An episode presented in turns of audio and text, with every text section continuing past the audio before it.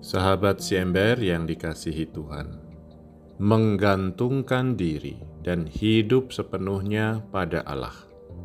Tampaknya itu pesan yang terus-menerus diwartakan Yesus ke kita dan sekali lagi dilakuin pada hari ini. Teman sahabat Yesus yang terberkati, Yesus nggak cuma berpesan, dia bahkan memberi teladan konkret buat kita Hari ini kita dengar dia ngajar 12 muridnya. Anak manusia akan diserahkan kepada imam-imam kepala dan ahli-ahli Taurat, dan mereka akan menjatuhi dia hukuman mati.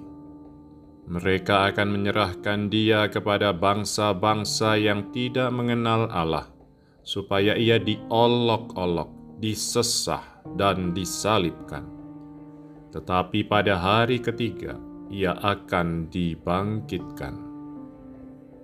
Dan kita tahu itu sungguh-sungguh dijalaninya. Teman-teman yang disayang Tuhan, soal jadi pemimpin pun Yesus ngajarin untuk nggak ngandelin kekuatan sendiri, apalagi jadi sok kuat dan berkuasa. Barang siapa ingin menjadi besar di antara kamu, hendaklah ia menjadi pelayanmu.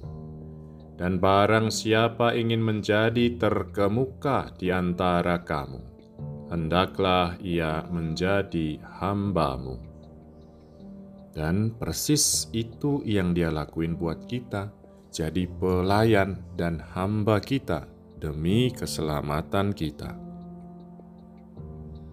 Sahabat kekasih Allah, Yesus nggak pernah ngajarin kita untuk jadi konyol, apalagi tolol.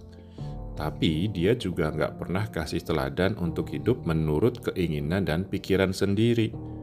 Kehendak Bapa, kasih Allah, itulah yang menjadi pedoman hidupnya. Itulah yang membawanya kepada kemuliaan dan akhirnya menyelamatkan kita. Kalian baru aja dengerin renungan si ember bersama saya Monano. Tuhan memberkati.